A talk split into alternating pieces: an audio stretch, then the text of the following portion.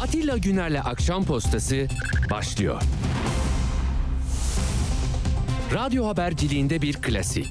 Sorulmayanı soran, haberin peşini bırakmayan tarzıyla bir marka.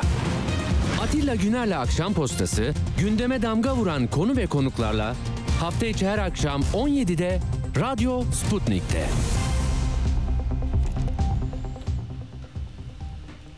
Akşam postasından hepinize iyi akşamlar efendim. Hoş geldiniz. Bugün ayın 13'ü Mart'ın 13'ündesiniz ve seçimlere 62 gününüz var. Şimdi tabii bir haller oluyor. Onu takip ediyorsunuz. Onların küçük küçük notlarını alıyorsunuz ama belki ıskaladığınız kenarda köşede kalmış meseleleri de derli toplu anlatmak için buradayız. Ee, önce hafta sonundan başlayalım mı? Ne dersiniz? Yani hafta sonunda biz ne gördük? Nasıl mesajlar verildi ve buradan hangi çıkarımı yapabiliriz? Şu oldu. Artık deprem gündemli bir seçim.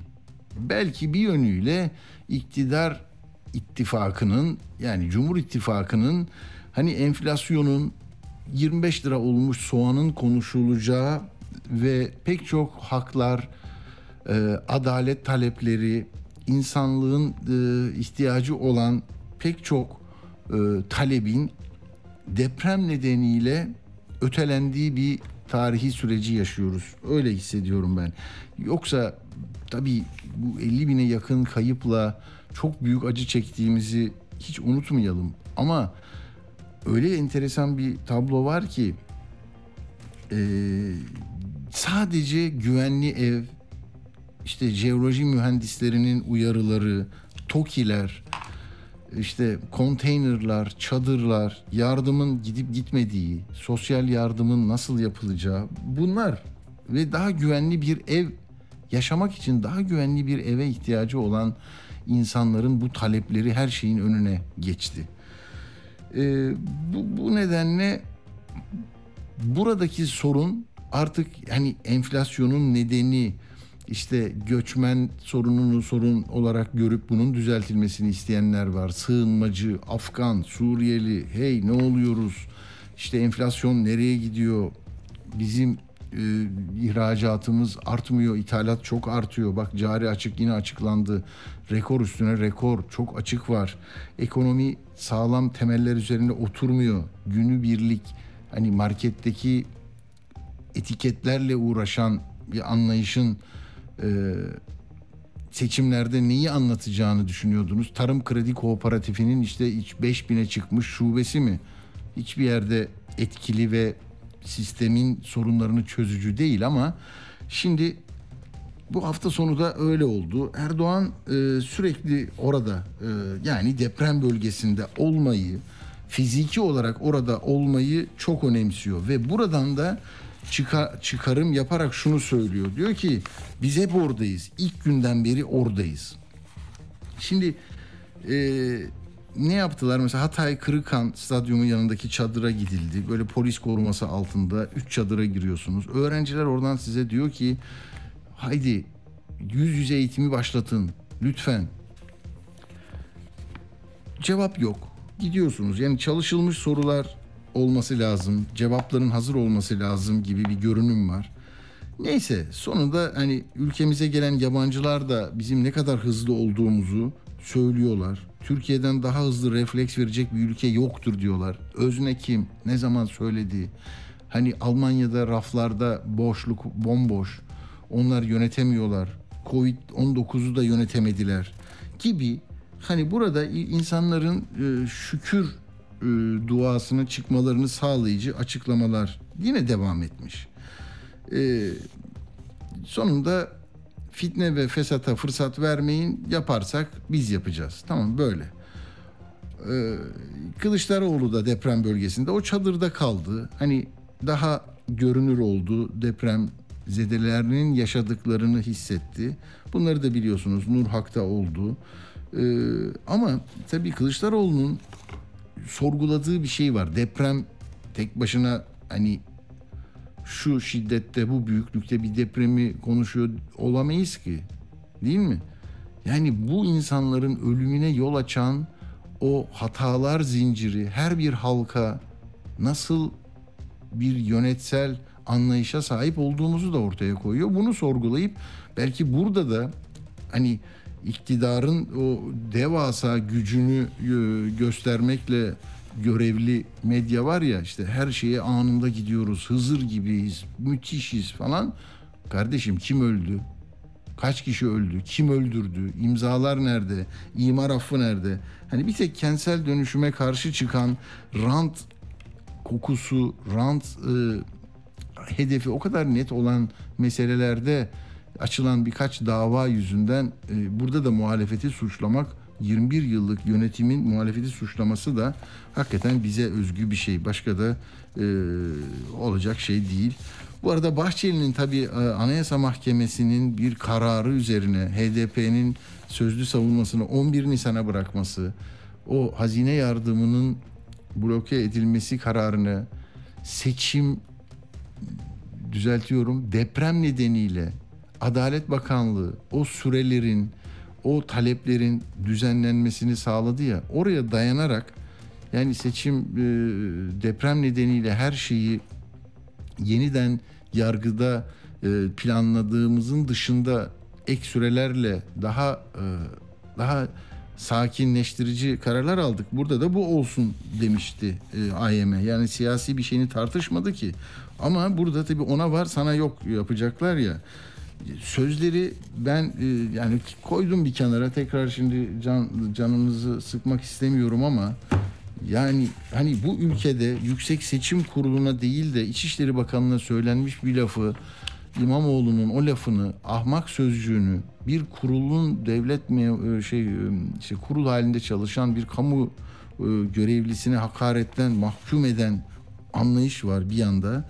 Bir yanda da ya bu oy, bu oylama da 8'e 7 çıktı ya 8 üyeyi Kandil'deki 3-5 teröristle aynı düzeyde gören bir açıklamanın dokunulmazlık nedeniyle bugün belki sözü edilemez ama bir dava konusu olabilme ihtimali de var.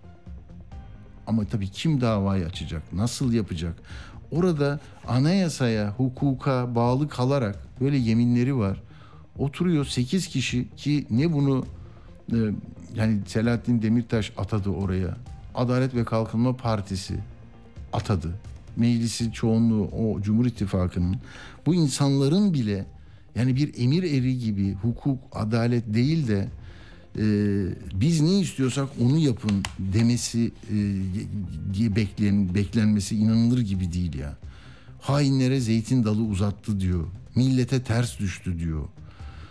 Gelince diyor tasfiye edilecek diyor. Tamam işte kapatma dönemi yani kapata kapata büyümek istiyor. Tamam mı? Hani birleşe birleşe e, ne diyorlar onlar? Birleşe birleşe e, yeneceğiz mi diyor muhalefet birleşiyorlar ya. Burada da kapata kapata e, bizim ittifak başarılı olacak diyor e, Bahçeli.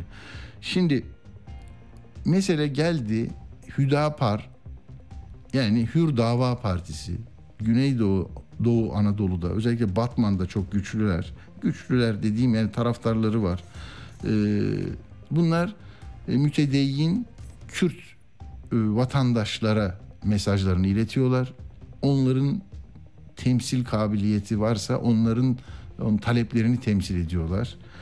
Ee, burada HDP ve daha önceki e, ilk partiler ile bir kavgaları var. Kendilerinin Hizbullah'tan ayrılanların daha yasal zeminde siyaset yapalım diye kur, bazıları öyle kurucuların e, destekleyenlerin Hizbullah gibi hani domuz bağıyla insan öldürenlerin siyasi mirasçısı diyelim ama terörü reddediyorlar. Fakat yine 2015'te 2016'da yine karşılıklı çatışmalar, silah, külah bir sürü işler olmuştu. Orada da mahkumiyette e, mahkum oldukları bir dönem vardı. Bunu not almışım. Yani e, işte şeyde 2015'te e, HDP'li 3 kişinin öldürülmesi var. E, Hüdapar'dan bir e, Aytaç Baran ölüyor. Arkasından da 3 HDP'li öldürülüyor. Orada 26 yaşındaki Mehmet Dağ mesela silahlı terör örgütüne üye olmaktan e, 6 yıl almıştı. Ee, şöyle kadın eksenli işleri sevmiyor Hüdapar. Şimdi Cumhur İttifakı'nın desteğe ihtiyacı var. Hür Dava Partisi destek açıkladı. Bir arka kapı diploması oldu. Bugün de saat 3'te ziyaret etti Binali Yıldırım. Kendilerini devam ediyor galiba görüşme. Teşekkür için. Ama orada şu var. Yani mesela kadının kadına dönük şiddeti e, engellemek için kurulan değil mi getirilen yasa var 6284. Ee, onun kaldırılması isteniyor. İşte LGBT rüzgarını e, estiren bir anlayışları var. Orada da çok sert e, şeyler istiyorlar. Süresiz nafaka var. E, eskiden beri Akit'in yazdığı onu kaldırmak istiyorlar. Yeniden Refah Partisi de kısmen bunlara destek veriyor. Şimdi tartışma bir yanıyla varlık varlık sorunu ya. Yani Hüdapar da gelsin yüzde bir oy bile bizim için çok kıymetli deniyor. Ee, ama onların da istekleri var. Mesela bu partinin anayasanın ilk dört maddesi hani değiştirilemez maddesi var ya onların bile değiştirilmesini isteyen anlayışları var. Ha görüşme şimdi bitmiş. Ee, Numan Kurtulmuş ziyaret etmişti. Açıklama yapıyor. Ee, Uğur bana söylerse onları e, not ederim size de aktarırım. Yani şöyle Derya Yanık çıktı dedi ki ya biz bu tartışma dışıdır. Bizim kadınlarla ilgili böyle bir meselemizi 6284'ü e, tartışmanın açıklan tartışmaya başlanılması bile kabul edilemez dedi. Yani bir çatlak olacak. Aydınlık Gazetesi bugün seçimi kaybettirir Hüdapar diyor. Hani zımmi desteği olan bir siyasal e, parti. Gerçi Doğu Perinçek kendi adaylığını da açıkladı ama yani buraları çok ısınıyor ve dün hani yeniden Refah Partisi'nden bir isim dedi ya 20 yıldır bizi yok sayanlar şimdi hatırladı diye olumsuz görüş beyan etti. Oradan da bir yanıt bekleniyor. Hmm, hani Saadet Partisi'ni kendi e, yanına çekemeyen e, Adalet ve Kalkınma Partisi bu seçmenlerin tercihlerinin aleyhine olduğunu gördüğü için daha çok e, küçük partilerle temas edip e, onların belki bu taleplerini de karşılamak yoluna gidecek. Ama burada da işte Çin çifte standart var. Yani şimdi terörle anılıyor işte nasıl anayasanın ilk dört maddesi, anayasal kurumlara karşı bakışları, kadın eksenli e, tutumları nasıl olacak yani şimdi? Yani çok şey kaybettirir. Yani kent sosyolojisi içinde Adalet ve Kalkınma Partisi'ne oy vermiş, e, kadın haklarına da e, özen gösteren nispeten insanlar var. Yani nasıl olacak? Böyle daha bir daha bir geri mevzi, daha bir e, kadını e, hiç hiç yerine koyan anlayışın e, seçim kazanmak için katlanılabilir bir şey olduğunu zannetmiyorum. Göreceğiz bunu. Ömer Çelik de diyor ki e, Hüdapar'la e, görüşüyor arkadaşlarımız. Teşekkür ediyoruz. PKK'ya sessiz kalanlar şimdi ona laf ediyorlar diyor. Yani hep böyle bu. Hani senin teröristin, benim teröristim anlayışı olmasın bu ülkede diyenler vardı ya. Yine bazı böyle can e, sıkıcı meselelerde tablo maalesef bu. Öyle hal aldı ki Anavatan Partisi diye bir partinin olduğunu yeniden hatırladınız. Onunla ilgili görüşmeler var, bilmem ne var. Ee, yani o onu alacak. DSP diyor ki biz hayır kurumu, kurumu değiliz diyor. Bak DSP bile potaya girdi. Ee, yani Erdoğan'ın iktidarının devamı için hani Hüdapar, Yeniden Refah ve DSP. Ya Hasan er, Erçelebi avukatmış ben tanımıyorum. Genel Başkan Yardımcısı televizyonda dedi ki ya dedi bizle gelsinler konuşsunlar ama sadece destek bekliyorlarsa hiç gelmeden gitmeden oyun içinde olmayın bize destek olun derlerse olmaz oyun içinde olacağız diyor. Biz hayır kurumu değiliz ki diyor. Çok enteresan. Yani hayır kurumu değiliz bizi de alın bizi de listelerinize koyun derse olacak. DSP biraz soğuk bakıyor meseleye ama işler e, gerçekten enteresan bir hal alıyor. Şimdi bu nedenle ben İbrahim Uslu'yla konuşmak istedim. Siyasal iletişim uzmanı kendisi. Arkadaşlarım bir iki dakikaya kadar bağlayacaklar. Ee, burada yani bir Hüdapar çatlağı oluşacak gibi görünüyor. Bu neye e, tekabül eder? Nasıl bir e, şey çıkartır ortaya hasar bilmiyorum. E, onu görmüş olacağız. E, ve bu akşam hani merak ediyorsanız da akşamleyin e, Habertürk'te Hüdapar'ın e, lideri şeyde e, Mehmet e, Akif Ersoy'un konu olacakmış. E, orada da dinleyebilirsiniz. Tartışmalara da bakabilirsiniz. Hüdapar açılımı mecburiyetten e, oldu. Enteresan. E, Numan milletimizin yararına görüşmeler yapıyoruz diyor Numan Kurtulmuş. E, bunlardan da notları aktaracağım. O zaman İbrahim Bey'e bağlanabiliriz arkadaşlar. İbrahim Bey gelmiş. Peki e, evet Doktor İbrahim Uslu siyasal iletişim uzmanı. Hoş geldiniz İbrahim Bey. Hoş bulduk. Kolay gelsin. İyi yayınlar. Çok teşekkürler. Ne diyorsunuz bu en son oradan başlayalım belki Hüdapar işte DSP Anavatan ne varsa 10 oy 50 oy 100 oy tabii Hüdapar orada daha farklılık arz ediyor ama içerdiği tartışmalar başka partilerin başka ittifakların e, söz konusu e, olması halinde de ceryan ediyor. Benzerleri var şu anda. E, bir e, yani Erdoğan'ın ihtiyacının ne olduğunu anlıyor muyuz bu, bu gelişmeleri görünce? Şimdi biz şimdi yani çok net yüzde 50 artı bire ulaşmak için e, bir ya e, yeterince seçmeniniz olacak. iki hı hı. E, yeterince seçmeniniz yoksa e, ve e, ülkeyi de e, çok keskin bir biçimde kutuplaştırmışsanız o zaman da e, yapacağınız yegane şey bu e, tek tek e, bir birey oylarını toplamak mümkün görünmüyor. Toptan oylar almak, parti gruplu partilerle anlaşmak ve onların seçmenlerini tabiri caizse transfer etmek. Şimdi AK Parti yaz aylarına gelindiğinde artık yüzde otuzlara falan inmişti. Bizim çalışmalarda e, Cumhur İttifakı toplamda yüzde kırkın altındaydı ve yazla birlikte e, ilk önce vatandaş memnuniyetini arttıracak işlere yoğunlaşıldı. Yani hmm. asgari ücret güncellendi, memur maaş zamları, emekli maaş zamları, bu sosyal konut projesi, 3600 ek gösterge, e, şey EYT falan gibi çok sayıda hmm. vatandaş memnuniyetini arttıracak işler yapıldı. Fakat Ocak ayına gelindiğinde hatta Şubat ayına gelindiğinde AK Parti oylarını 5-6 puan arttırabilmişti. Yani toplamda 40'ı biraz geçmişti ama hala 50'ye çok vardı. Bir de e, biliyorsunuz maalesef Şubat ayının başında e, bu deprem felaketi yaşandı. Öyle olunca AK Parti benim gördüğüm artık vatandaş memnuniyeti üzerinden e, bir şey e, oy oylarını arttırmaya çabalamak gibi bir stratejinin gerçekçi olmayacağını net bir biçimde anladı.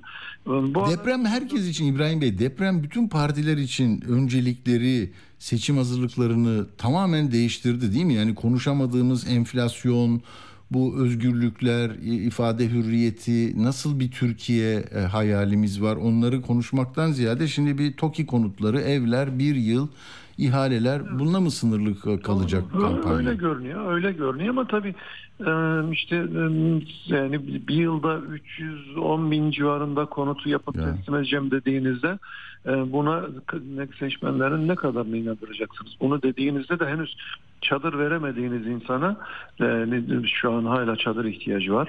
Konteyner kentler çok sınırlı. Çadırda işte yani şu havalarda çadırda yaşadığınızı düşünün. Yani çadır ne kadar konforlu bir yaşam size imkanı sunuyor. Yani bütün bunları şey bir arada değerlendirmek lazım. Ee, benim gördüğüm işte yani bu dolayısıyla vatandaş memnuniyeti yaratma imkanı kalmadı AK Parti'nin bu aşamadan sonra. Yani vatandaş memnuniyeti yaratarak oy arttırma imkanı kalmadı. Bu arada 4 yıldır sürdürdükleri bir proje vardı, strateji vardı daha doğrusu.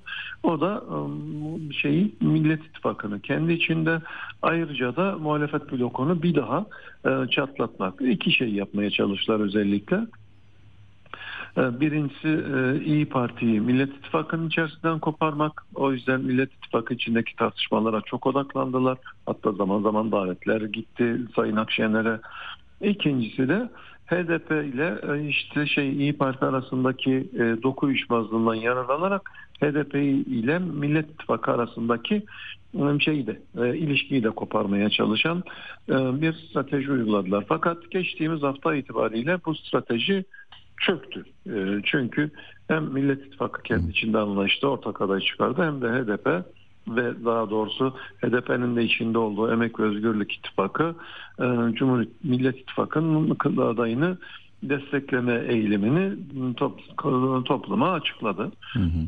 Öyle olunca AK Parti'nin elinde başka hiç imkanı kalmadı ve e, şey oylarını arttırabilmek için bir taraftan elbette ki vatandaş memnuniyetini sağlama yönelik jestler, işler, e, hani kesen ağzını açacak e, şeyler, e, politikalar uyguluyor. Öte yandan da hızla e, açıkta ne kadar parti varsa onlarla uzlaşarak e, oylarını yükseltmeye çalışıyor. En azından yarışın birinci turda bitmemesini garanti altına almaya çalışıyor. E, şeyde bir taraftan da bu e, Memleket Partisi gibi, Zafer Partisi gibi, Ata İttifakı daha doğrusu e, şeylerin e, bağımsız yapıların şu an için her iki ittifakın içinde de olmayan e, yapıların işte muhalefet oylarını bölmesini ve ilk turun e, böylece e, ilk turda yarışın bitmemesini sağlamaya çalışıyor. Hmm. Ve önümüzdeki süreçte o yüzden bu tür e, siyasal stratejilerin e, şeyi gereği olan adımlar görerek geçireceğiz.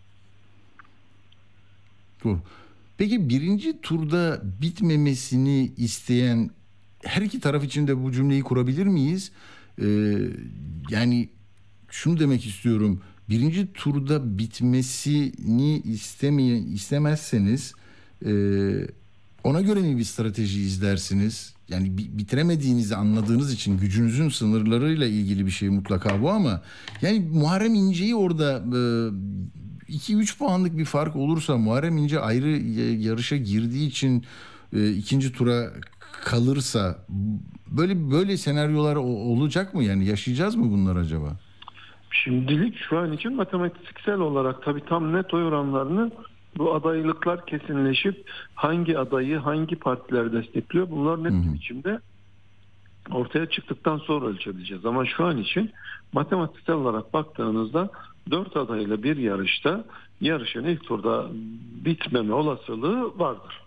Yani sadece iki bir aday olsaydı ya da diyelim ki sadece Sinan Oğan olsaydı kamuoyunun daha yakından tanıdığı e, falan e, ve işte arkasındaki kamuoyu desteğinin daha sınırlı olduğu bir daha üçüncü bir aday sadece olsaydı yarışın ikinci turda bitme olasılığı şey ilk turda bitme olasılığı daha yüksek olurdu. Ama aday sayısı arttıkça ve bunlarda daha popüler adaylar oldukça belki önümüzdeki süreçte başka adaylar da çıkacaktır. Yani o yüzden ben şu adaylık hmm. başvuru adaylıkların kesinleşmesi gerekiyor ve hangi adayı kim destekliyor falan bunların görülmesi gerekiyor. Onlar görülmeden şey kolay değil. Yani daha gerçeğe yakın ölçümler yapabilmek kolay değil. Çünkü seçmen de bilmiyor yani kim kimi destekliyor. Mesela HDP net bir biçimde henüz Millet İttifakı'nın adayını destekliyoruz. Sonuna kadar arkasında gibi bir açıklama yapmadı değerlendireceğiz dediler ama destekleyebiliriz dediler.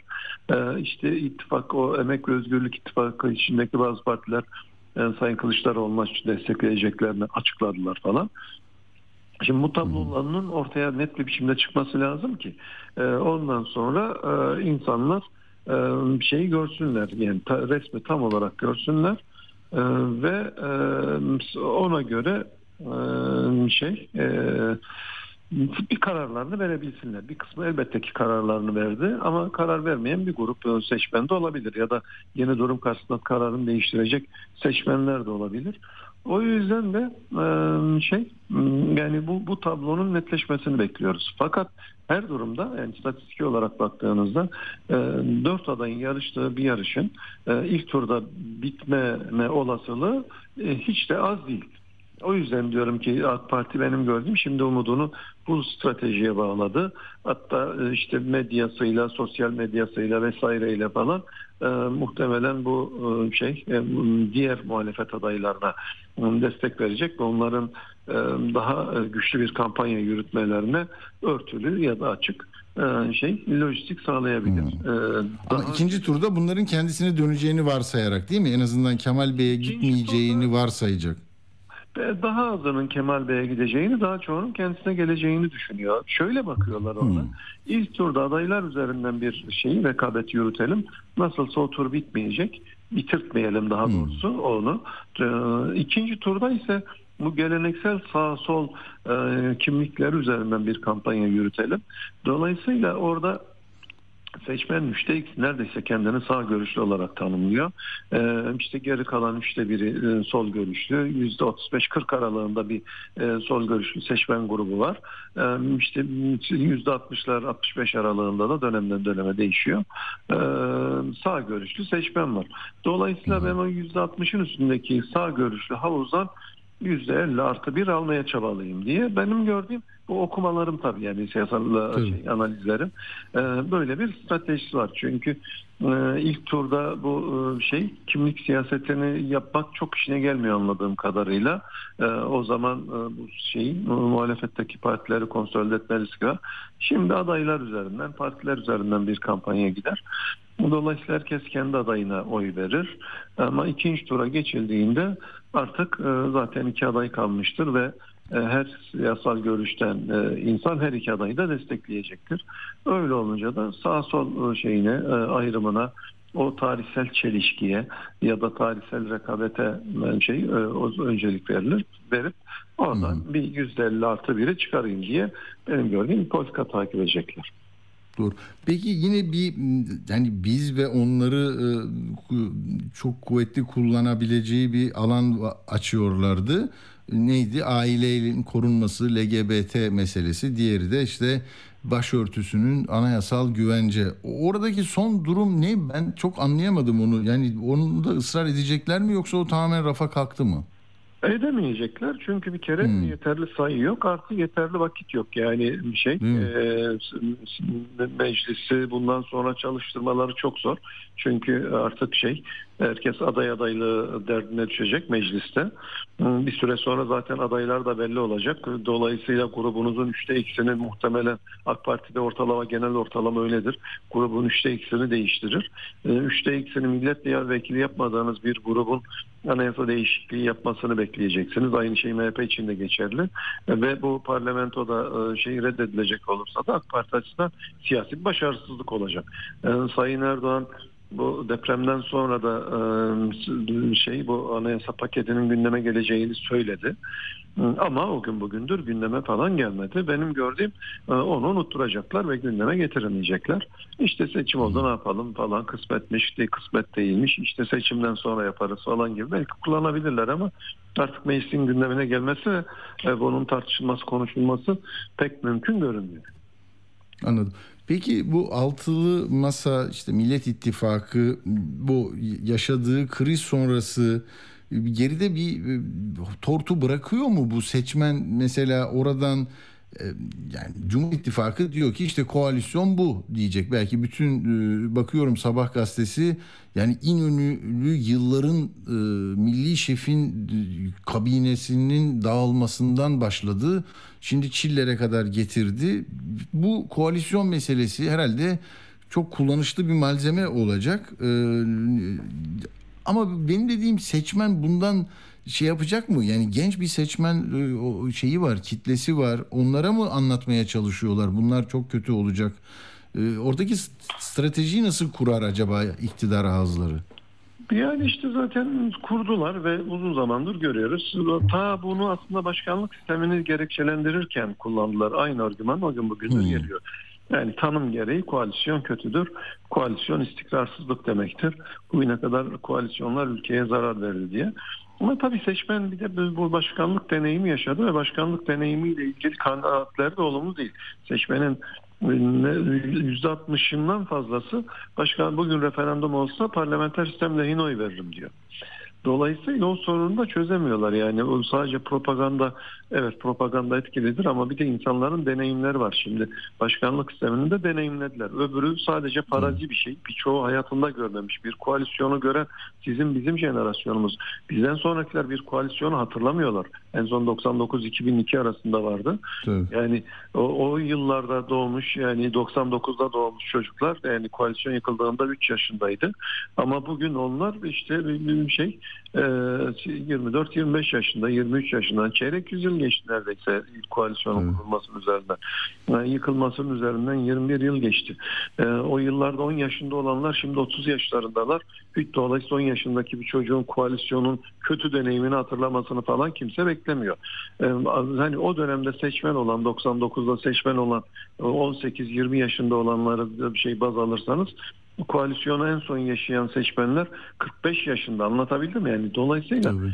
Siz hiç böyle bir şey yaşamamış seçmenin yarısından çoğunun hatırlamadığı, bilmediği e, bir şeyi, e, farazi bir durumu ne kadar kötü olduğunu anlatıyorsunuz. Ama bir de son 4 yılda, 5 yılda şu an seçmen olan herkesin yaşadığı ve hatırladığı hatta yaşamakta olduğu halihazırda bir başkanlık deneyimi var. Dolayısıyla hani buradaki e, şeyleri, handikapları e, şey e, unutturmak ya da başarısızlıkları unutturmak ya da kötü uygulamaları e, hafızalarından silmenin imkanı yok.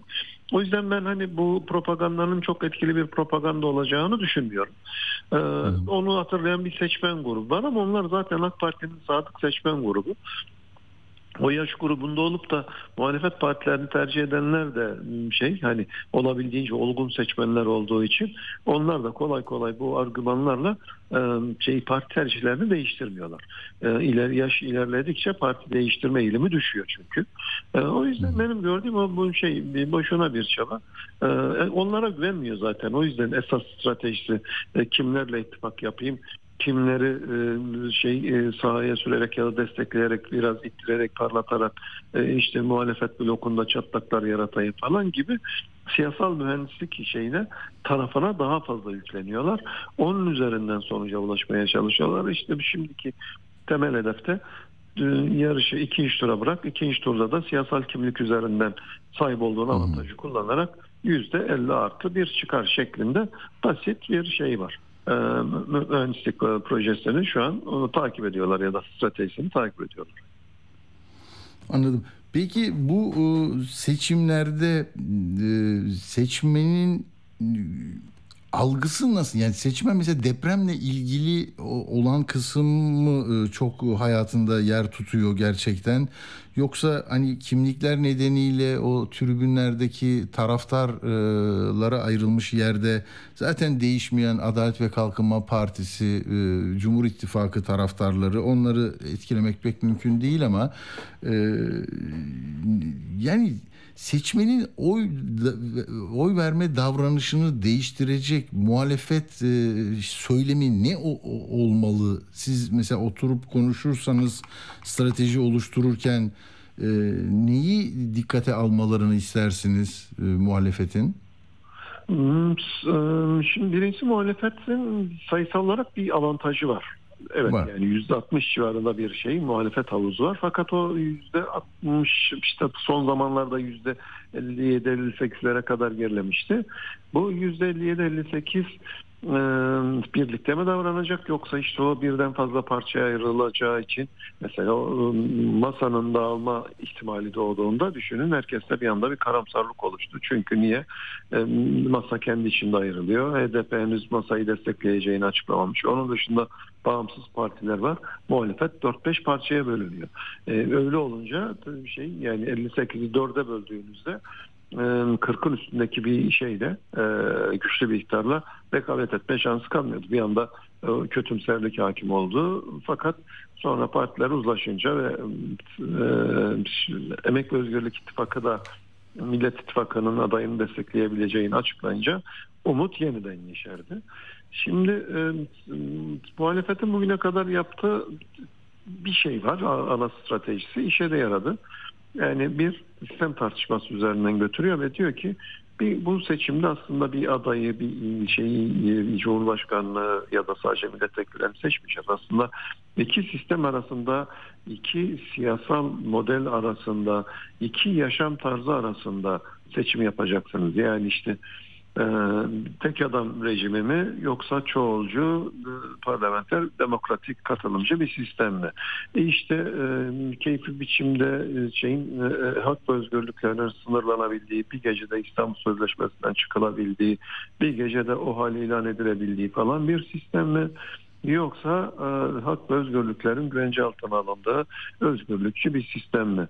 E, işte Twitter'ın can istediğinde şey e, ya da sosyal medyanın işte e, ekşi sözlüğün vesairenin bir Evet. kararla tasarrufla engellenebildiği bir e, şey mi? E, özgürlükler ortamı mı? Yoksa bunların engellenemediği insanların fikirlerini özgürce ifade ettiği bir ortam mı? E, bir yargının siyasetin emrinde olduğu bir sistem mi? Yoksa yargının bağımsız olduğu ve tek görevinin adalet dağıtmak olduğu bir sistem mi falan diye bu Hı hı. şeyleri e, fa- farklılıklar iki sistem arasındaki farklılıklar uzun zamandır tartışıyorlar. E, şimdi seçmen hakikaten sadece iki aday arasında yarış e, bir tercihte bulunmayacak. E, ya da iki parti bloku arasında bir tercihte bulunmayacak. Esas nasıl bir sistemde yaşamak istediğini tercih edecek. E, şeyin başkanlık sisteminin getirdiklerini deneyimledi, onu biliyor. Yani bundan sonra nasıl bir sistem içerisinde yaşayabileceğini.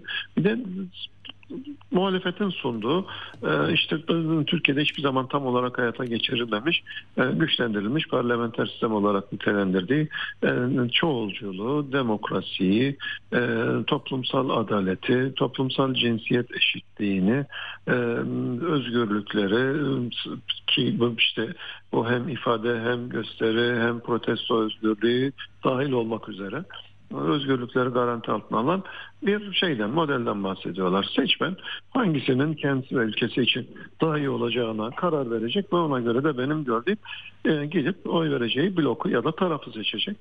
E, muhalefet bunun üzerinden bir propaganda yürüttü bugüne kadar. Elbette şimdi adaylar devreye girdiği için bir de e, adayların da ön plana çıkaracak bir iletişim dili de takip etmek zorunda ya da kullanmak zorunda.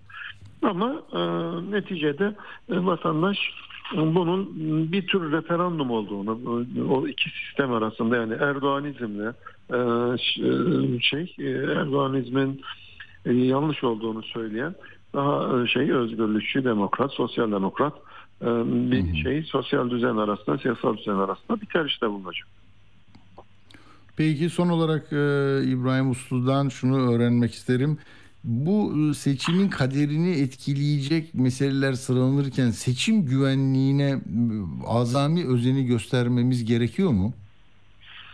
Elbette ki her seçim için bu şey e, kritik, kritik hususların başında geliyor. E, Çünkü özellikle böylesine kıyasıya rekabetin olduğu yerlerde e, bu tür suistimallerde bulunmak isteyenler çıkabilir. O yüzden seçim güvenliği her seçim için önemli. Yani sadece bu seçim için önemli, diğer seçimlerde önemsizdir de diye bir şey yok doğal olarak. Ee, Bu seçimde tabii şimdi e, seçim güvenliğine yeni bir boyut daha eklendi. Milyonlarca, yüz binlerce seçmeni ilgilendiren bir şey, bir olay yaşandı. Ee, Bir kere çok sayıda e, şey e, seçmen hayatını kaybetti. Birincisi Evet. bu deprem bölgesinde. İkincisi o insanların tamamının il içerisinde adresi değişti. Üçüncüsü hatta il dışına çıktılar. Bir sürü seçmen şu an artık o deprem bölgesinde yaşamıyor.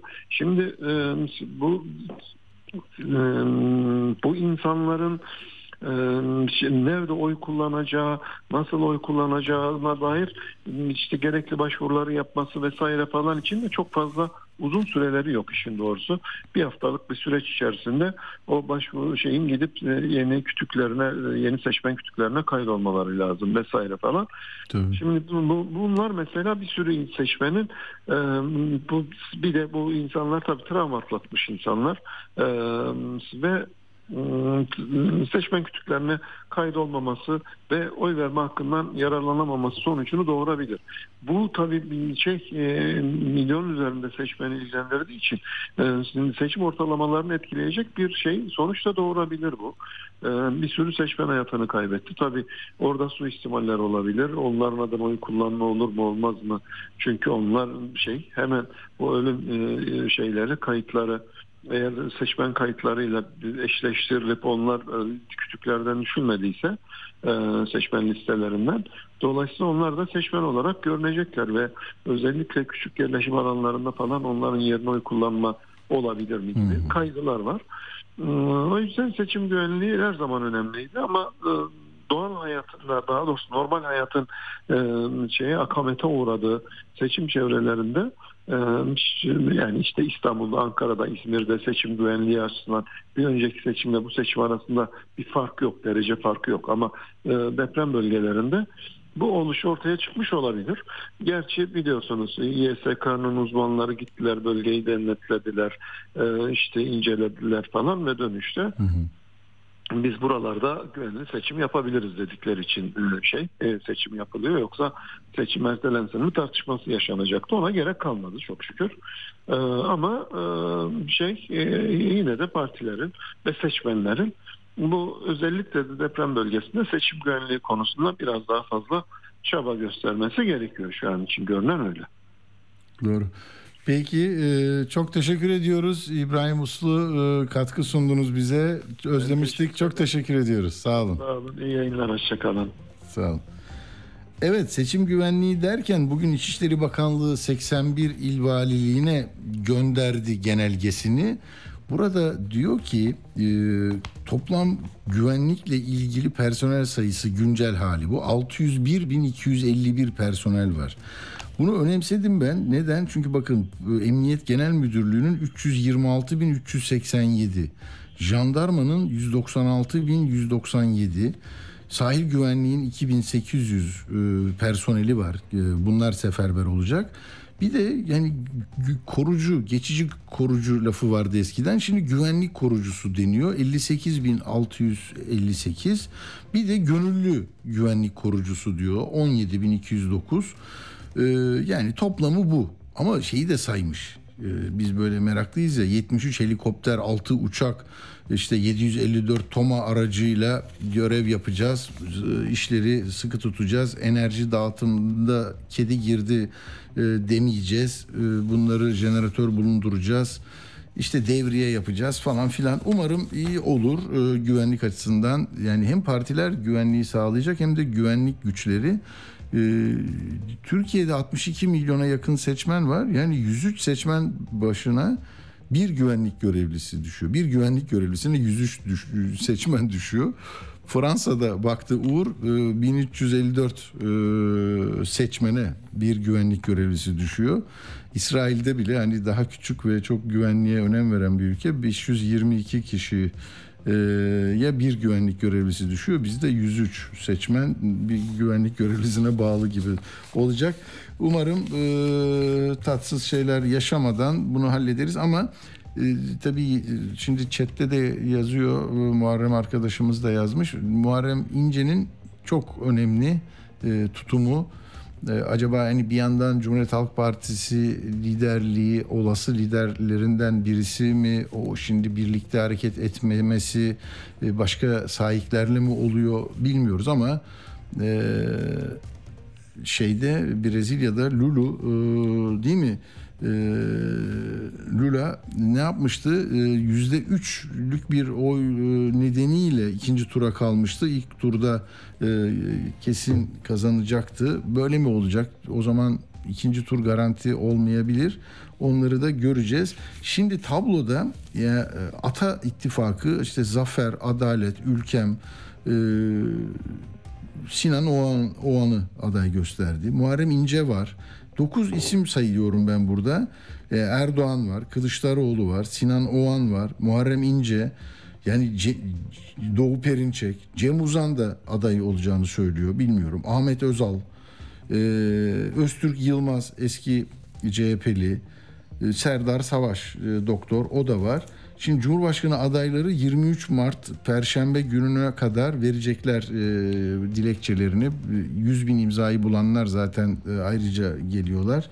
E, 23 Mart'ta bitiyor. 10, ne bugün? 13'ü 10 gün var. 31 Mart'ta da resmi gazetede yayınlanacak. Bir de ittifaklarla ilgili 24 Mart'ta kritik bir son e, deadline var. O da protokollerini ittifak protokollerini teslim edecekler. Yani o da bir 11 günlük bir mesele. Orada da işte ben bununla yapacağım, ben bununla yapacağım diyorsunuz. Ondan sonra çıkacak iş. E, milletvekili listeleri de 9 Nisan'da teslim edilecek. Partilerin içi o yüzden de e, çok kıpır kıpır herkes aday olmak istiyor. Koşturuyorlar, e, şeye kuruyorlar, e, ilişki kuruyorlar vesaire. Şimdi biz e, küçük bir ara verelim. E, deprem gündemimize geçelim. 18 e, bat- bağlandı mı e, konuğumuz? Tamam peki Tülin Hanım bağlanmış. İzmir'e gideceğiz. Deprem zaten e, temel konumuz. E, şu anda e, neyi biliyoruz? E, işte bu kayıpların bugün hali, bugünkü durumu şu. 48.448 e, can kaybımız var ve e, 821 bin bağımsız bölüm artık kullanılamıyor. Yani bu kadar hane e, evsiz, barksız e, çok kötü. Ama İzmir'de bunun küçücük bir örneği var. 30 Ekim 2020'de 6.6 ile maalesef 100, 117 vatandaşımızı kaybetmiştik. Orada da e, TOKİ hemen konut e, şeylerine başladı faaliyetlerine. 1700 ağır hasarlı hane vardı orada. Ya anlaşılıyor ki orada bile daha bitmemiş, sorun devam ediyor. Nasıl bu e, on binlerce, yüz binlerce bina bir yılda bitecek sözü e, gündeme geliyor, e, gelmeli o zaman. E, Şimdi İzmir'de de konteynerde kalanlara ya bak orada çok acı çekiyorlar. Çıkın buradan. Sizin eviniz de yok e, ama o konteynerları deprem bölgesine yollayacağız. Maraş e, depreminin yıkıcı etkisiyle perişan olanlara gidecek o. Çıkın oradan diyorlar ama onların evi yok daha.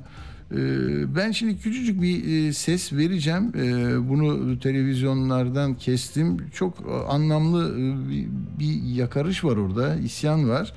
Onu dinleyelim. Ee, Tülin Yumlu'yla da konuşacağız. İzmirli depremzedelerin sorununu anlatacak bize. Ben gitmeyeceğim. Benim ancak içeriden ölümü çıkarırlar. Beni öldürecekler öyle çıkaracaklar. Benim gidecek yerim yok, sığınacak yerim yok. Ben buranın garibiyim, bir hısımım yok, akrabam yok, tanıdığım yok, kimsem yok. Tek başına mı yaşıyorsunuz? Tek başıma yaşıyorum kuzum. Ben 2020'de bir ev aldım. 6 ay sonra deprem oldu. Ev yıkıldı. Ortada kaldım. Ne yapayım ben şimdi? Bilmedim. Yaşlı başımla. Yani bize zor bize zorluk çıkarıyorlar. Gelecek olan depremzede de biz depremzede değiliz. Evet onlara da yüreklerimiz yandı. Olsun istemiyoruz. Bu vatanın çocuklarıyız. Ama biz yapmadık ki depremi. Allah'ın takdiri ilahi. Onlara tanıdıkları gibi bize de tanısınlar. Evimiz yapılıp da bizim çıkana kadar. Ben, ben fazla da istemiyorum. 3-4 aylık bir zaman istiyorum. Evim şu anda bitmek üzere. Aslan oğlum ne gerekiyorsa ilgili yerlere ulaşın bize yardım etsinler. Evet böyle bakın İzmir'in orta yerinde Mayıs'ta evim bitecek bekliyorum beni çıkarmak istiyorlar diyor e, hanımefendi. Tülin Yumlu hattımızda. Tülin Hanım merhaba. Merhabalar. Şimdi bu e, hanımefendinin söylediklerini dinledi dinleyiciler. Neden böyle bir tablo var? Mayıs'ta bitecek, Mayıs sonunda bitecek. Ben de buradayım diyor. Yani devlet bir yılda bitiremedi mi, iki yılda bitiremedi mi? Neden bu e, hanımefendiyi e, o konteynerden çıkarmak e, istediler? Şimdi evlerin bitmemesi ayrı bir durum. Ee, bayanın e, kendi evinin bitmesini bekliyor. Hmm. Ee, TOKİ değil onunki. Ee, TOKİ TOKİ değil. Bekleyişinde hı. olan kişileri 10 hane kaldı zaten. TOKİ bekleyişinde olan. Ee, konteynerde yaşayan için söylüyorum bunu.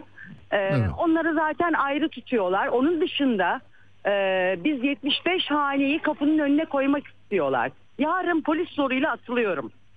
Kiracı mı efendim bunlar? Kiracı mı orada kalanlar? Kiracı. Kiracıları depremzede olarak sayılmıyor. E, biz Hmm. buraya girerken depremzedeydik. iki yıldır buradayım.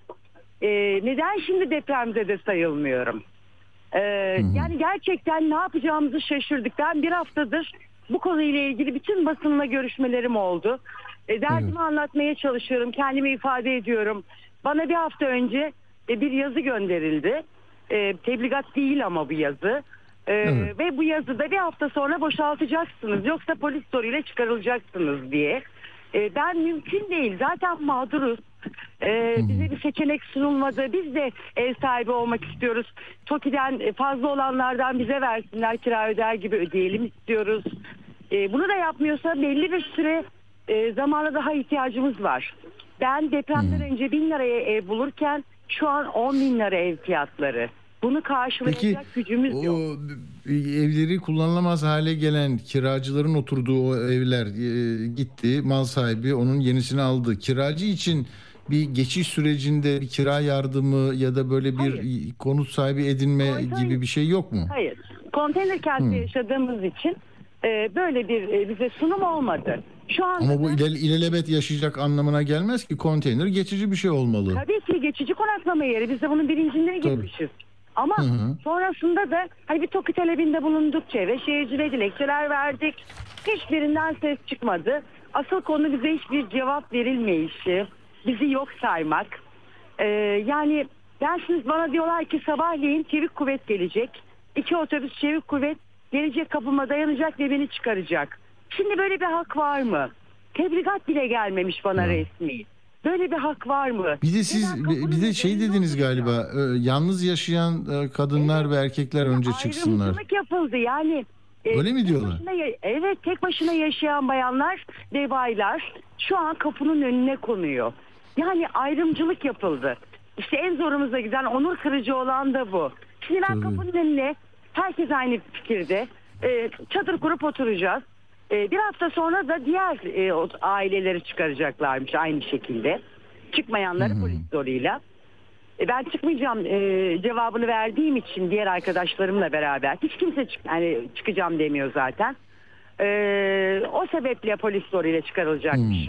Peki sizle e, bu konuşmada onu da öğrenmiş olalım. Hani bir- kaç konut e, 1700 ağır hasarlı diye ben notumda var ama 579'u kura çekilmiş. Yani orada ev sahiplerinin hepsi de evlerine e, sahip oldular mı yeniden yeni evlerine? Hayır, Ödeme şimdi- planları var onların. Dışarıda oturanlar var bir sürü yani 3000'in üzerinde diye biliyorum dışarıda oturanlar. E, yani kirada oturuyor. Kira bedellerini karşıladı devlet. E, Bir yıllık karşıladı ama. E, bir yıl sonra normal. Onlara da ayrıca mı yapacak yani? Onlara da mı konut yapılıyor? Hayır, aynı yerden rezerv alanımız belli zaten tek yerden. Bekliyorlar. 5000 küsur zaten rakam orada toplam konut sayısı. Ama biz de dedik ki bizim evimiz yok. Ha, pe- şey, bölüm bölüm açıyorlar değil mi? Yani kura Tabii çekiyorlar. Etap etap bunlar kura çekiliyor. Mesela şu an 3. etap çekilecek. Hmm. Toplam 8 etap var. Ee, bu 3. etap çekilecek. Niye Oradan- bitmedi mesela o bir senede Evet bir buçuk senede biterdi hepsi birden neden aynı anda başlayıp bitmedi öyle de bir sorun olmuş o zaman. Şimdi şöyle e, ayrı ayrı müteahhitlere verilmiş. E, yani Hmm. her birinin e, şeyi ayrı işliyor. Mesela e, diyelim 6. etap daha hızlı bitirmeye yakın olmuş. Diğeri daha tam Hmm. bitmemiş gibi farklılıklar var. E Ama şimdi yani düşünüyorum da bu e, 11 ildeki inşaat nasıl bitecek yani bunlar böyle e, bu bir senede imkansız. değil mi? 28-29 ay oldu e, burada. E, yani daha henüz iki etap bitti. E, yani imkansız? Diye düşünüyorum. O zaman bu, bu, bu, bu da yeni bir yeni bir şey söylüyor bize yani O da neden gerçekten diyorum. E, çünkü orada çok büyük bir deprem ve fay hattının olduğu bölgeler var. E, zemin etütleri yapılacak. Depreme dayanıklı bölge seçilecek. E, bunları düşündüğümüz zaman zaten nereden? Şu an e, daha yeni yıkılan ev var. Mesela şu an karşımda duruyor. E, iki Hmm. buçuk sene oldu deprem olalı ve e, hasarlı bir bina olarak kayda geçti. Ağır hasarlı olarak. E, ve daha yıkımı bile yeni yapıldı. Örnek veriyorum. anladım. Yani Peki o zaman biz de sizin sesinizi duyurmuş olduk. Oradan çıkma ma- e, kararınız var. Ee, Bunu peki çözüm masasında ne olursa çıkarsınız oradan. Ne talep nedir topluca sizin orada arkadaşlarınızla da Hepimizin konuşmuşsunuzdur. isteği tabii ki TOKİ. Eğer Hmm. illaki TOKİ vermiyorsa bize bir yıl daha uzatılsın. Hı, O arada siz kendi o zaman hayatınızı belki bu bir yıl içinde yeniden planlayacaksınız. İmza atalım. Bir yıl sonra çıkacağız diye imzamızı atalım. Ama elimizde bir belgemiz olsun en azından. Ama bana tebligat gönderilmeden e, böyle bana çık denmesi çok ağrıma gitti. Şimdi ben kapının önünde oturacağım bu soğukta. Bak Ramazan geliyor. Çok yanlış Ya. zaman. Çok. Yani çok çok Peki zaman. e, Tülin Hanım e, o zaman e, biz takipçisi olacağız. E, umarız Sevinirim. bir tatsızlık olmadan bir çözüme ulaşmış İnşallah, olursunuz. Tülin inşallah. Yumlu İzmir'deki e, Meryem Tülin Yumlu. geçici Hı hı. Evet. Çok teşekkür ediyorum katıldığınız için. Ben E, ediyorum, İnşallah sağ bir, olun. çözüm buluruz. Sağ olun. İnşallah sesim duyulur. Oldu iyi günler. İnşallah. Sağ olun. Sağ olun. Hoşçakalın. Evet. Son e, 18'e doğru 2 dakikam var. Bunu bir kenara koymuşum. Oda TV Mehmet Ali Ağca ile konuşmama kararı alıyordu gazeteciler. Çünkü Abdi İpekçi'yi öldüren bir e, şey değil mi? E, bir isim yani. Çok e, can acıtıyor onunla konuşmak, röportaj yapmak. Diyor ki yıllar sonra ilk kez siz konuştunuz benle diyor. Can Özçelik konuşmuş o da TV'den. Şimdi orada şöyle diyor. Hani bir toplantıyla gündeme gelmişti ya. Orası büyük çekmece diyor ama diyor ev sahibi dışında kimseyi tanımıyorum. Orada birçok kişi katılmış ama diyor tuzaktı bu diyor. Bana tuzak yaptılar, tuzak kurmuşlar diyor. Rezil bir tuzak diyor. Ben haram yemeyin dedim diyor. Böyle kendinden bahsediyor işte. Neyse ama şu düşünebiliyor musunuz? Ee, şey de yani Ağca'nın e, görüntüsüyle birlikte daha e, güçlü olacaklarını düşünüyorlar. Kendi lafları neydi o ev sahibinin? Biz devlet her zaman nerede isterse orada olacağız. Kimse de bundan başka mana çıkarmasın diye seçime giden bir ülkede öyle ellerinde tesbih aşağı doğru bıyıklarıyla bir, bir rüzgar istirmeye çalıştılar. Ve orada da e, ağacıyı kullandılar konu mankeni olarak. Öyle görüyorum ben bunu. Çok e, üzücü çünkü diyor ki bu seçimde ben oy kullanmayacağım ki zaten benim siyasi bir tercihim yok diyor. Millet kimi seçerse seçsin barış içinde olsun diyor. Bak bak sen AC'ye. Ondan sonra e, yani nasıl bir tuzaksa bu kendisi bunun içinde olmuş ve bize ne mesaj verdiler? Bakın şimdi Sedat Peker tamam dışarıda dijital tecridi kalksın diye de imza atılıyor vesaire de ama onu da kullanmıştı bu sistemin bir parçası olarak. Ne demişti? İşte kanda boğulursunuz bilmem ne. Ne dedi? Ben korkutmak için bunu bana e, söylediler yaptım dedi. Şimdi ağacalar bilmem neler bak seçime giderken böyle kenardan köşeden korku, beka, birlik, birlik, bütünlük vesaire gibi asıl iradeye e, dönük şeyler olacak. Hadi bakalım.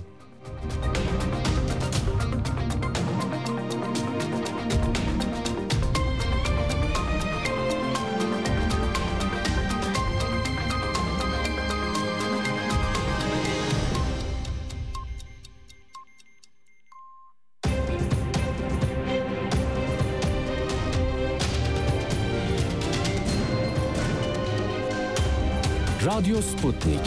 Anlatılmayanları anlatıyoruz. Radyo haberciliğinde bir klasik. Sorulmayanı soran, haberin peşini bırakmayan tarzıyla bir marka. Atilla Güner'le Akşam Postası, gündeme damga vuran konu ve konuklarla hafta içi her akşam 17'de Radyo Sputnik'te. Atilla Güner'le Akşam Postası devam ediyor. O gizemli bir yorumcu. Kim satranç oynuyor? Kim poker oynuyor? Kim tavla oynuyor? Adı yolcu. Memleketi, dünyayı geziyor ve anlatıyor.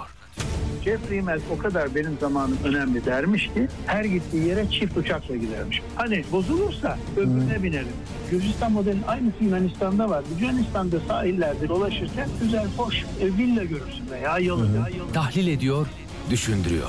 Ben 18 senedir harp akademilerinde ve NATO'nun üst düzey subaylarına da eğitim veren biriyim. Bak bak ben bunları saklamak için neler yapayım burada sen kendin Bu kadarını, bu kadarını. Yolcunun çarpıcı yorumları Atilla Güner'le Akşam Postası'nda. Ladies and gentlemen, welcome on board. Yolcu anlatıyor. Evet sevgili yolcu merhaba hoş geldin. Sevgili Atilla merhaba hoş bulduk. Heyecanlısın. Heyecan, heyecan ya bu memleket heyecanlı film bitmez ki bu ülkede ya. Görüyorsun AC'yi bile gelip orada gel bir şey konuşacağız deyip kameraya çekip ondan sonra arkasından da işte devlet nerede isterse biz oradayız diyen arkadaşlar da var, bir şeyler de var. Yani nasıl heyecanlı olmayalım. Valla Ama sen Türkiye'de- bunların hepsini birleştirirsin şimdi bize. Öyle. Türkiye'de son zamanlarda ilginç bir yapılanma var. Bu yapılanma e, otogalerisi şeklinde oluyor. Tabii bütün otogaleriler böyle değil elbet. Ama kara para aklayan ve tefecilik yapan bir grup otogaleri üzerinden bu işi yapıyor. Onlar da öyle benzer bir kitle. E, belli ki kendi ellerindeki imkanlar şu anda sıkıntılı bir şekilde e, devam etmediği takdirde bu iktidar o otomatik olarak onların hayatı da o kendi gösterdikleri hak etmedikleri refahı ve insanları korkutarak, insanların yeri geldiğinde mallarına çökerek, tehdit ederek neyse kurdukları bir harami düzeni var. O harami düzenini sürdürmek imkansız olmaya başlayınca işte böyle e, kimi gider TRT'den Apo'nun kardeşini çağırır. Kimi Apo'nun mektubunu yayınlar. Kimi de gider Papa'yı vuran bütün dünyada Türklerin utanç kaynağı olan Papa'yı vurduğu için dünyanın neresine gidersen git yani herkesin bize karşı çıktığı bu kadar da ağır bir şekilde e, tehdit altında olduğumuz yani yıllarca onlarca yıldan beri Türkiye için son derece kötü bir imaj sergileyen bir kişiyi o bile mağdur. Nasıl oluyorsa hani Atilla öyle düşün. O bile mağdur. Hı hı, hı. Diyor ki ya beni çağırdılar. Ya. Benim ne haberim bunlarla vesaire vesaire. E, bu tabi bir tür kendinden burada kimseyi iktidar bunu organize etti onlar yaptı demek haksızlık olur. Elimizde öyle bir şey yok. O bir defa yanlış görüş. Ama iktidardan cesaret aldıkları ortada. Hani biz buradayız vesaire. Bunun aslında tarihteki karşılığını sen çok iyi biliyorsun. Türkiye'nin gerçekten hani e, biraz onurlu, haysiyetli, ne yaptığını bilen, namuslu bir insansan Tansu Çiller Türkiye'nin bence utanç kaynağı bir başbakandır. Tansu Çiller döneminde kurşun atan da yiyen de bizdendir gibi böyle ilginç laflarla susurluk meseleleriyle devletin normal vatandaşın e, hakkını hukukunu bir derin devlet tırnak içinde derin devlet adı altında kullanmaya çalışan ne olduklarını bir türlü anlayamadığımız hiç ummadığın kişilerin ummadığın yerde bir araya geldiği bir örgütlenmenin aslında başındaki başbakandı. Yani Türkiye için gerçekten e, çok onur verici bir şeydi bir kadın başbakan olması ama ne yazık ki e, olaylara bakışı, çapsızlığı, beceriksizliği, son zamanlardaki işte kendini hala gösterme çabası aslında ne kadar e, utanç kaynağı olduğunun bir kez daha göstergesiydi dürüst olmak gerekirse. Atilla biraz önce sen İzmir'den bahsettin. İzmir'de ben bir taraftan e, programa hazırlanırken İzmir depremi inceleme raporu var. Türkiye Hazır Beton Birliği tarafından yayınlanmış. Onu görebilirsin. İnternet sitesinde görmek mümkün. O şöyle söylüyor. Yani bugünkü e, Şubat Maraş depremi büyüklüğüyle kıyaslayacak. Yani yıkılan, acil yıkılacak ağır hasarlı yıkık bina sayısı 506. Orta hasarlı 511. Az hasarlı bina 5119. Yani toplayıp çarpıp bölüyorsun 3-5 bin binadan hadi senin gül Evet. hatırını istiyorum. 8-10 bin bina. Burada 850 bin binadan bahsediyorsun. 10 bin bina yapılamamış. 10 bin bina yapılamamışken onun 80 katı binayı yapmak teknik olarak mümkün mü? Mümkün. Ama bu kadar kısa zamanda yani seçime kalmış 60 gün bu kadar kısa zamanda bu nedir diye baktığın zaman e, buradaki temel meseleyi şöyle görebiliriz. Atilla şimdi biraz önceki aslında Hüdapar davasına da böyle bakabilirsin. Şimdi sekülerleşme bir sekülerlik dediğimiz konu oluşabilmesi için üç şeye ihtiyaç var. Şehirleşmenin artması lazım. Kapitalizm yani ticaretin büyümesi lazım. Ve bilim üzerine bir şeyleri kurmak lazım. Bunların olması halinde sekülerlik artıyor. Sekülerlik dediğin neyi gösteriyor bize? Ya bir dakika o söylediğin yasayı değiştirip de Hüdapar'la ben ortaklık yapıyorum veya işte yeniden refahla ben o ortaklığı yaptım diye şu yasayı değiştirmek mümkün değil. Deprem konuşuyorsun. E işte depremi hani deprem Allah'tan geldi, fıtrattır vesaire diye açıklama var. Öbür taraftan da bakıyorsun depremi bilimle açıklıyoruz. Allah'tan geldiyse niye kardeşim sen Richter ölçeği kullanıyorsun? Tövbe haşa Allah'ın Richter ölçeği mi var yani? Gördüğün gibi bu bilim, kapitalizm ve şehirleşme, işte ekonomi ve şehre gelme sekülerleşmeyi artırıyor. Sekülerleşme artmaya başladığında ister istemez bugünkü Türkiye'nin düzeninde e, hali hazırda e, sadece işte Çetin Altan kullanırdı biliyorsun e, kışla soslu siyaset, kışla partinin cami soslu siyaset derdi. E burada da olan o. Yani eski askeri vesayet yerine sürekli bir dış güçman üretenle ahiret üreten E, karşılığında da yine ha- tanıdık yandaş vesaireyi besleyen bir kapitalist sistem var. Dolayısıyla bu birkaç tane konuda e, net olmamız lazım Atilla. O da şöyle. Ben kahin değilim. Ama herhalde hatırlayacaktır değerli dinleyiciler. Bir yıldan fazladır hesap döner, e, keser döner, sap döner, hesap döner diyordum. Hesap döndü. döndü. Benim varsayımım şu üzerine kuruluydu. Türkiye'nin ekonomisi son derece kötü. Toplumda gençler umutsuz vesaire vesaire. Artı bugünkü iktidarın he, en iyi olduğu dönem Atilla en yüksek oyu yüzde 52 Hı hı. en iyi olduğu dönem. Ya bugün 3 senelik yaklaşık bir pandemi geçmiş. Müthiş bir ekonomik sıkıntımız var. E, kuzeyimizde Rusya-Ukrayna savaşı nedeniyle sıkıntılar var. E, bu da yetmiyor. Bir de üstüne gelmiş koskoca bir deprem var. O yüzden Hı. buralarda şu andaki görüntü 60'a 40 blokundan 65'e 35 gibi bir yerlerde bitebilir. Tabii biz neyi bilmiyoruz? Ee, AK Parti'nin önümüzdeki dönemde, MHP'nin önümüzdeki dönemde e, Nisan ortasına kadar e, yani Hı hı. önümüzdeki 3 hafta ile 4 hafta civarı yaklaşık konuşuyoruz tabii. Yani bir ay içerisinde çıkacak anketler e, ve bu anketlerde genel eğilimin ne olduğunu göreceğiz. Bu eğilim bize aslında işte 35'e 45 mi 60'a 40 mı bilmiyoruz ama oralarda bir aralıkta bu seçimin biteceğini gösteriyor. Bu arada temel bir şeyi doğru görmek lazım. E, bugünkü yapılan seçim şöyle bir seçim değil Atilla. Onun altını hep çizmek lazım ki yani unutmayalım çerçeveyi. Atilla bu düne kadar yapılan her türlü ankette efendim işte hali hazırdaki Sayın Cumhurbaşkanı'nın oyu şu, Kılıçdaroğlu olursa bu, İmamoğlu olursa bu, Yavaş olursa bu. Bunların hepsi bir hipotezdi. Çünkü bunların hiçbiri aday değildi. Yani resmi aday değildi. Olursa olursaydı. Bugün Evet. resmi aday. Dolayısıyla bugünden itibaren söylenenleri ciddiye almak lazım. Çünkü istatistiğe göre ya onu mu seçersin, bunu mu seçersin dendiğinde insanın kafasında bir takım hayaller. Çünkü kesin olan bir Hı. şey yok. Oysa Bugün muhalefet blokunun en azından e, tartışmalı olan adayı tartışmasız hale gelmiştir. Ve bu seçimi şöyle görelim. Bu seçim sadece ve sadece iki tane birey karşılığı işte A şahsını mı seçelim, B şahsını mı seçelim seçimi değil. Biz artık Türkiye'de ortaya şöyle bir eğilim çıktı bu şehirleşme ve sekülerleşme nedeniyle. İnsan bir baba ya da devlet bey değil Atilla.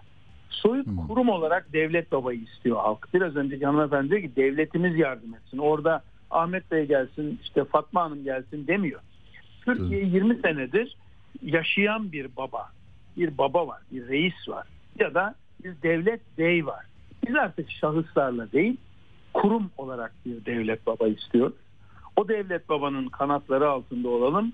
Bizi korusun, kollasın diye kastettiğimiz ne? Kurumsal düzlemde hakkımızı korusun, adalet çalışsın, güvenlik çalışsın, sağlık, eğitim, ekonomi çalışsın. Bunu istiyoruz. Başka istediğimiz bir şey yok. Kılıçdaroğlu'nun en önemli özelliği ne? Kesinlikle uzun süre iktidarda kalacak olan ateşli bir lider değil o. Ee, öbür taraftan ne avantajı var? Yaşı itibariyle devlet mekanizmasını bilen daha ağırbaşlı, daha bilge, daha denge görünümüne sahip biri. Beğenmeyebilirsiniz. Ama görüntü itibariyle devlet mekanizmasını çok iyi biliyor. Artı bir küçük bir özelliği var Atilla. Diplomayı istediğin zaman sorabiliyorsun. 1938 yılında ölmüş Atatürk'ün e, biz diplomasına ulaşabiliyoruz.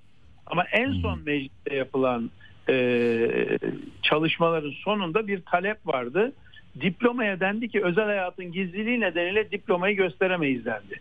Ya Atilla ben polisim seni yolda durduruyorum. Ehliyet ruhsat lütfen diyorum. Sen de diyorsun ki kardeşim bu özel hayat. Yani ben belgeleri göstermek zor. Ya ben polise her şeyimi gösteriyorum ya. En ufak bir şirket beni arıyor diyor ki vatandaşlık numaranı söyle, onu söyle, bunu söyle, belgeni getir. Fakat biz bir türlü özel hayatın gizliliği diye e, hani bir nolu belgeyi soramıyoruz. Dolayısıyla Türkiye'deki temel mesele demin söylediğim gibi biz artık insan bir baba, bir reis, bir şef bir şey istemiyoruz. Devlet olarak da bey istemiyoruz. Toplum olarak sekülerleşme nedeniyle biz soyut bir kurum olarak devlet babayı istiyoruz. Devlet babayı da sadece kurumsal olarak muhatap olmak istiyoruz. Diğer konu efendim çok yanlış bir tartışma olduğunu değerlendiriyorum. Kişisel görüşüm böyle. E şimdi deniyor ki yüzde bir oy aldı ona bir e, pay mı vereceğiz? Ya arkadaş çoğunlukçulukla çoğulculuk arasında bir fark var. Gerçek demokraside en az e, sayıya sahip olan, en az destekçisi olanın hakları korunur. Çünkü çoğunluğun zaten hakkı ortadadır. Yani yarın Evet. öbür gün şöyle bir şey söyleyemezsin. Ya kardeşim ben kendi ibadetim böyle. Türkiye'de İslam'ın yani herhalde rakam uyduruyorum şu anda 100 tane tarikat olsa yüzü de neredeyse farklı şekilde İslam pratiği yaşıyor. Biz Evet. diyemiyoruz bunlara kardeşim öyle İslam mı olur diyemiyoruz. Ama topyekun olarak Alevilere diyoruz ki öyle olmaz. Hı hı. E çünkü Alevi desteğini alamadığımız için diyoruz. Yarın Alevi desteğini alsak muhtemelen onu da aynen kabul edeceğiz. Atilla birkaç konu daha var. Şöyle ki Hı hı. birincisi Cuma günü itibariyle Rusya olan ithalat aniden durduruldu. Şimdi Türkiye'nin ihracat e, ithalat ilişkisi itibariyle Rusya yapmış olduğu son zamanlardaki bu Ukrayna meselesi nedeniyle Hı hı. e, biliyorsun bir ambargo vardı. Amerikan ambargosu uyarınca burada biz e, ithalatımız geçen seneye kıyaslayacak olursan daha düşük bir ithalatımız vardı Rusya ile. Fakat Hı hı. birdenbire bakıyoruz ki bu ithalat ciddi şekilde e, yukarıya doğru çıktı. Yukarı doğru çıktıktan sonra da e, şöyle düşün. Bir önceki yıl 5.8 milyar dolar olan ithalat Rusya ithalat yani bizim ihracatımız onların ithalatı 2022'de 9.3 milyar dolara yükselmiş. Yani aşağı yukarı bir 3 milyar dolar civarında bir e, artış var. E, bunların da Amerika'nın batının yoğun baskısı nedeniyle Cuma günü itibariyle şimdilik değişik bir bilgi yok. Cuma günü itibariyle bu kesildi. Artı e, Kesildi derken tam yolcu kesildi derken yani hı- artış hızı mı? ithalatı Yok- kestik. Kestik ithalat Ya- yapmıyoruz. Yani. Rusya'ya mal satmak anlamında mı söylüyorsun? Evet. Onların ithalatı mı? Tür, üç tür ithalat malzemesi var. Bir tanesi temizlik malzemesi gibi, gıda Hı hı. gibi malzemeler var. Bunlar durmuyor. Çünkü onlara zaten ambargo yok.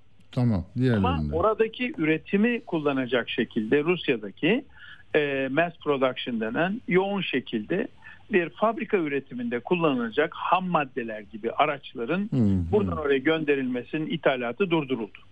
Şimdi bu Hmm. Türkiye'nin bir pozisyon aldığını gösteriyor. E pozisyonu da e, Atilla Güner'den yana değil Batı'dan yana Amerika'dan yana aldığını gösteriyor. E, Amerika'dan yana bir destek alındıysa e, belki seçimle ilgili bir takım ekonomik destekler, ekonomik fırsatlar, açılımlar Hmm. olabilir. Şimdi dolayısıyla iktidarın şöyle bir açmazı var. Ya kardeşim biz Amerika ile oturduk. Bu şöyle bir iş değil. Atilla bana 10 lira borç versene değil. Koskoca Evet. devlet düzeyinde yapılan yazışmalar, görüşmeler, toplantılar eğer büyük eğer lafını kullanıyorum. Eğer böyle e, bir haldeysek yoksa durduk yerde biz Rusya'nın e, yaptığımız ihracatı niye keselim? Tabii. Çünkü ambargo. Ambargo bunu söyledi. Ambargo muhtemelen dedi ki bir adım daha atarsan papazı geri isteriz. Hı, O çünkü geldi hatırlıyorum. gitti değil mi? Birkaç hazineden bir temsilci Tabii. geldi. Böyle bir Geldiler. diplomasi çalıştı orada. Hı. Bravo, bravo. Gazetelerde bunlar çıktı. Epey bir tartışma oldu. Sonuç itibariyle geldiğimiz noktada biz e, tamamen durdurduk bunu. Açıkçası bu e, büyük bir sürpriz. Yani Hindistan'a bir baskı yapılıyor ağırlıklı. Hindistan ve Türkiye yapılıyor. Bu iki ülkeden Türkiye e, ihracatını durdurdu. Amerikan desteği alındıysa ve iktidar seçimi kaybederse bu sefer rakibine büyük avantaj sağlamış olacak. E, rakibi de kalkıp diyecek ki yani bugünkü muhalefet kardeşim bunlar hı. zaten bizden önceki dönemde yapılmış bu görüşmeler belgesi, dokümanı çünkü dediğim gibi yani bir tefeciyle konuşup bana 100 lira para ver denmiyor. Amerikan hükümeti ya da küresel finansal enstrümanların kolaylıklarını sağlayan bir takım finans kurumlarıyla görüşülüyor. E onlar da e, doğal olarak belge, döküman, evrak tutanakla konuşurlar. Onlar ya biz görüşmedik vallahi billahi hiç haberimiz yok diyecek hali yok. O bizde olur ama orada olmaz. O yüzden eğer böyle bir şey varsa o bizim ilginç bir yere doğru gittiğimizi söylüyor. Bir diğer konu Atilla Son üç buçuk dakikamız var e, yolcucum. E, bak yolcucum deyince kızıyorlardı ama Tabii. yine çıktı ağzımdan peki. Çocuğum oldu görüyorsun. Aylar geçti ama Atilla yine çocuğum mucum diye başladı işte. Huylu huyundan vazgeçmiyor sayın seyirci. Tabii çocuğum.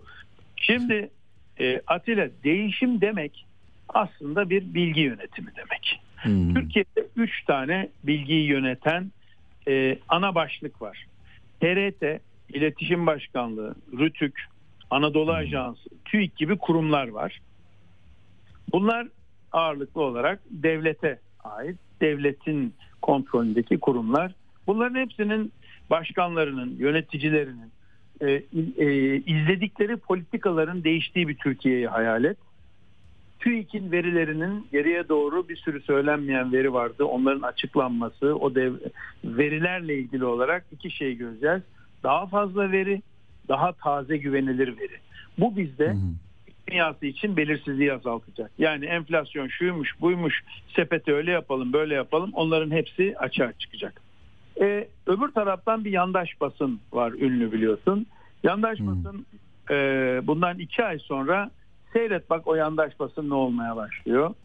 Ya. E, ciddi şekilde güç kaybedecek. Çünkü işlerinden bir bölümünün devlet bankalarından alınmış ve bir türlü ödenmemiş borçları var.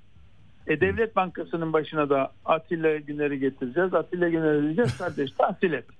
Atilla Ya Güner işini yap, işini yap diyecek. İşini yap desen yetiyor zaten. işini yapacak. Danıştay, Danıştay raporlarına bakılacak. Yandaş basının durumu öyle. Sosyal medyada ise bir sürü yasaklar. Ya depremin ortasında biz Twitter kapattık Atilla. Hmm. Yani bu tür Ya. yasaklar ortadan kalkacağı için ve Türkiye'de de yaklaşık olarak e, aşağı yukarı 1000 1500 tane önemli düzeydeki bürokratın yeri ve görevi değişecek. Yerine göre değişmekle beraber. Ya. Bu bürokratların değişimi, bu bürokratların getirdiği yeni prensipler e bir de tabii ki eski dosyalara bakınca e, ben şöyle bir şey bekliyorum Türkiye'de. Eğer bilmiyoruz geleceği okuyamayız ama görüntü o. E, Franco İspanya'daki Franco örneği aklıma geliyor. Franco iktidarını kaybettiği zaman İspanyollar 3 gün sokaklarda dans etmişti. Hmm. Acaba diyorum Türkiye'de bu 20 yıllık iktidardan sonra gençlerin üzerinde özellikle gençlerin üzerindeki bu baskıdan yola çıkarak Hmm. söylüyorum. E, muhtemelen e, böyle bir e, şeye kendini hazırla Atilla. İnşallah Hmm. güvenlikli gerçekten de e, rakamların, bilgilerin, Hmm. belgelerin e, herhangi bir şekilde seçim güvenliğini herhangi bir soru işaretine e, maruz kalmayacak şekilde yapılması durumundan bahsediyorum. Bu halde o değişimi, bilgi yönetimini değiştirdiğinde halka da açık bir fatura çıkacak. Yarın biz ne göreceğiz Atilla? Yarın televizyonlarda Cumhurbaşkanı'nı göreceğiz. Bakanlara bayağı sıkıştırıcı sorular sorulduğunu göreceğiz. Yarın bir de bakacaksın ki Atilla çok hızlı şekilde e, konserler, çok hızlı şekilde halk bir şeye kızdığı zaman yürüyüşler. Halk yürüyüş yaptığında polis güvenliğini alacak, halk yürüyecek, protestosunu yapacak. Sonra eve dağılacak. Ve büyük bir mit yok olacak. Efendim bunlar yıkacaklar, yakacaklar, güvenliği yoktu hikayesi. Protesto edebilirsin kardeşim. Etrafa saldırmadıkça, şiddet içermedikçe sloganını atarsın, protesto edersin ve üç gün sonra şunu göreceğiz. Kılıçdaroğlu çıkıp diyecek ki ya geçen gün Taksim'de yapılan yürüyüşten sonra işte efendim şöyle şöyle bir şey söylendi. Haklılar ya. Hmm, Evet hmm. doğru söylüyorlar. Şu projeyi şöyle yapacağız. O kararı böyle değiştirdik. Böylelikle bir yönetişim duygusu. Çünkü neden? Hmm. Stratejik olarak bakarsan e, ne deprem bölgesini bugünkü iktidarı eleştirebilirsin ama deprem bölgesini kimse iki günde düzeltemez. Orada bir çaba şart. Ekonomiyi de iki günde düzeltemezsin. Ama özgürlük ve umudu yaşattığın zaman insanlar dayanmaya başlar. Dayanırsan dayanışma başlar.